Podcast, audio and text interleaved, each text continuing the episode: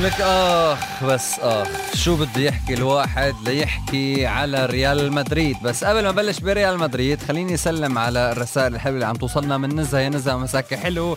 من إدريس من ناهد. يا ناهد مسا الرواق في حدا نهاية رقم 8 3 ما عرفت مين من أحمد شعبان اللي بيقول لي من حبنا حبنا حبيناه وصار متاعنا متاعه ومن كرهنا كرهناه ويحرم علينا اجتماعه. والله ممكن. كثير حبيت الفكرة.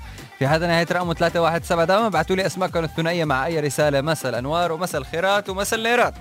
ليش قلنا أخ؟ أخ على ريال مدريد أخ. شو اللي عم بصير؟ أنا بدي أفهم. بدي أستوعب.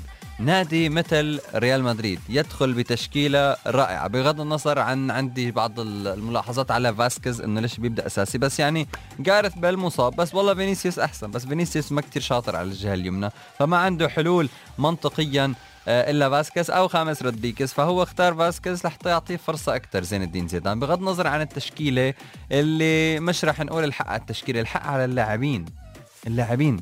زين الدين زيدان له مشكلة أنا برأيي بالتحضير النفسي للاعبين قبل المباراة.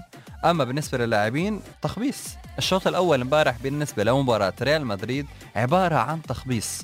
تخبيص بتخبيص. شو اللي عم بصير؟ بتحضر المباراة بتشوف إنه هل اللي عم يلعب هو ريال مدريد ولا مجموعة من الهواة يلعبون ضد آه، أحد الفرق البلجيكية.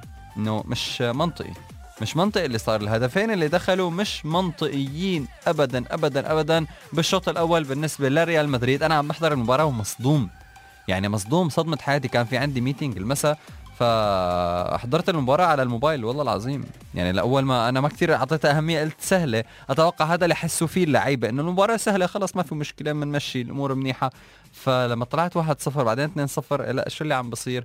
فبما معنى ريال مدريد يفقد التركيز في المباريات. وهذا الشيء يعني مش منطقي إنك أنت نادي عريق مثل ريال مدريد وعندك هالخبرة الكبيرة وهاللاعبين الخبرة وتقول والله ما عندنا تركيز مثل ما قال زين الدين زيدان. في تحضير نفسي مش مزبوط في المباراة وفي استهتار من اللاعبين. إذا زين الدين زيدان ما عرف يلاقي حل لها المشكلة فراح يكون في وضع صعب جدا جدا خصوصي ببطولة مثل دوري أبطال أوروبا. ما بتقبل الغلط.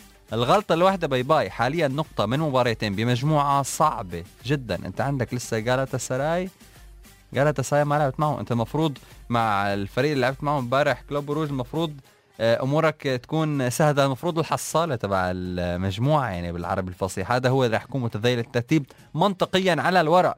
فاللي عم بصير إنه ريال مدريد وضعه صعب جدا جدا. وإذا استمر بهالطريقة ففينا نقول ريال مدريد توديع مبكر جديد رح يكون في دوري أبطال أوروبا. أو يمكن عم بيركزوا الشباب على الدوري الإسباني أكثر بس وضعهم صعب. صعب كتير. أبو الخل مساك حلو. سوزان مهنا مساكي رايق. كرمة شهاب إن شاء الله يا رب مساكي حلو. مساكي حلو ورايق جدا جدا جدا. هالأغنية بنهديكم إياها لكل مين عم يسمعنا هلأ.